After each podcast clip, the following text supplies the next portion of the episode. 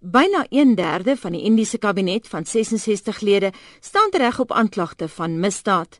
Professor Dagjip Shokar is een van die stigterslede van die Association for Democratic Reforms, 'n nie-regeringsorganisasie wat in 1991 gestig is as 'n onafhanklike korrupsiewaghond.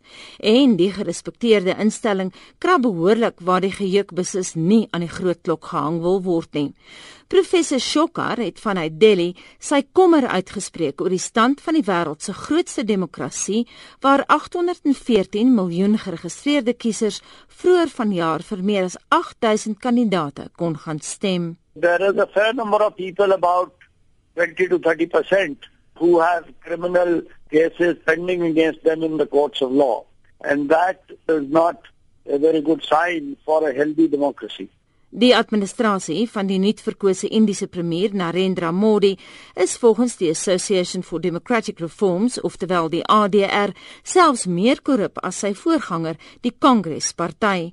Die amptelike reaksie op die aanklagtes van korrupsie is 'n refrein wat mense in Suid-Afrika ook dikwels hoor, soos wat die regerende Bharatiya Janata party se woordvoerder, Shrikant Sharma dit stel, dit het alles te maak met politieke mededinging. The government response or actually the political response always has been that these are not really very serious criminal cases. These are frivolous cases which are as a result of political vendetta by the party in power or cases being registered against a politician at the behest of some other politicians who are in power.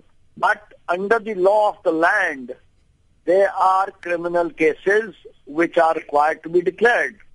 Die ADR probeer al jare lank om 'n nuwe kategorie te skep waaronder suiwer politieke misdrywe sal val en wat as sulks deur die howe behandel sal word.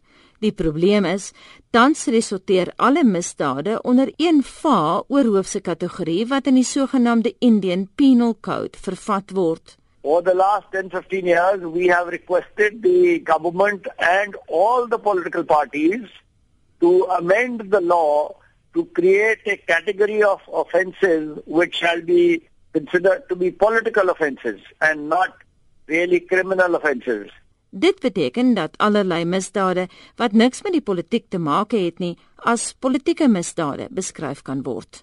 There can be no distinction if somebody has assaulted somebody else and there are cases such as murder and rape and robbery and kidnapping and so on, abduction, it is very difficult to believe that they are political cases. This argument does not really hold much water. Dus praat die administrasie van premier Narendra Modi uit twee monde, kla professor Dagjip Shokar. The political establishment is not willing to make a distinction, but they do argue that there is a distinction. So we have been trying to tell them that if there is a distinction, please make a legal distinction. And they are refusing to do that. Advantage is being taken of a lack of legal clarity so that some parts of the population are confused and some parts of the population are fooled. Maar dalk moet sake in 'n breër historiese perspektief gestel word. Dis nie net die Modi-administrasie wat skuldig is aan allerlei vorms van misdaad en korrupsie nie. Die politieke modus operandi in Indië blyk oor die jare 'n soort patroon te gevorm het, maak nie saak wie nou eintlik aan bewind is nie. It is not only this government, the same situation prevailed with the previous government. And when we were trying to get legal uh, requirements in place, all political parties, as many as 22 political parties, vehemently opposed it, even in the court. Daarom is die rol van onafhanklike politieke waghonde in die wêreld se grootste demokrasie uiters belangrik.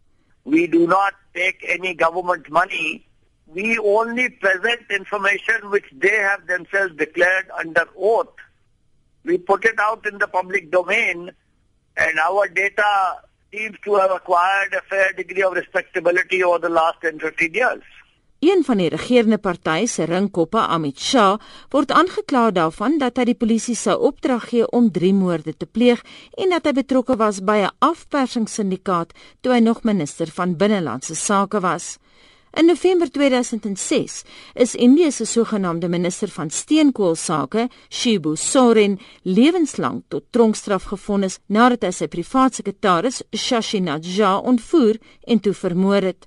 Hy het sy saak egter op appel gewen.